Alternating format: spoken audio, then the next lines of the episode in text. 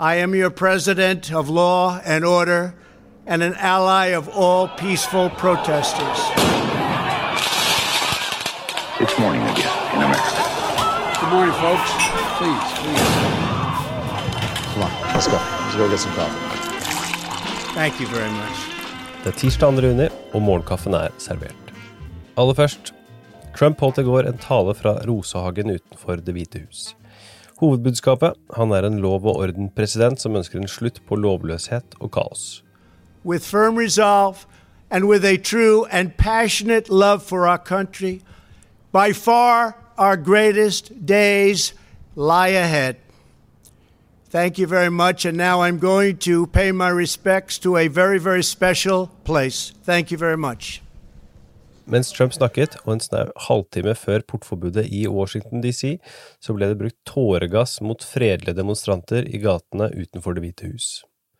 President Donald Trump skulle nemlig spasere til St. John's Church, posere med en bibel utenfor og gå hjem igjen. Det hvite hus har da laget en liten montasje av denne spaserturen og publisert på Twitter.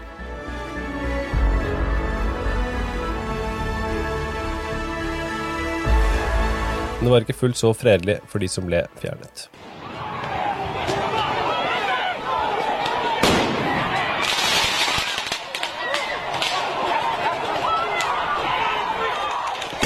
Det er mildt sagt eh, snakk om eh, surrealistiske scener fra USA de siste dagene.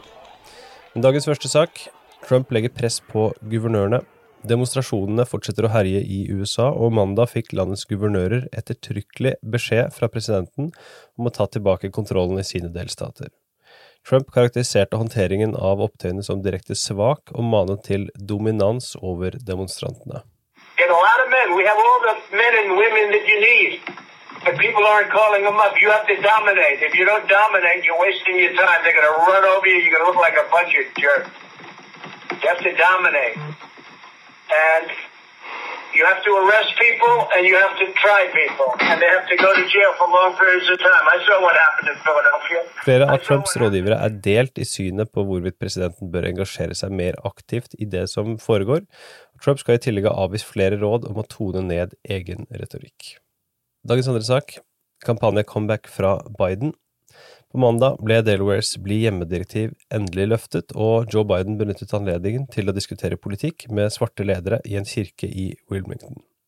Temaene som ble diskutert, var helgens opptøyer og ikke minst drapet på George Floyd.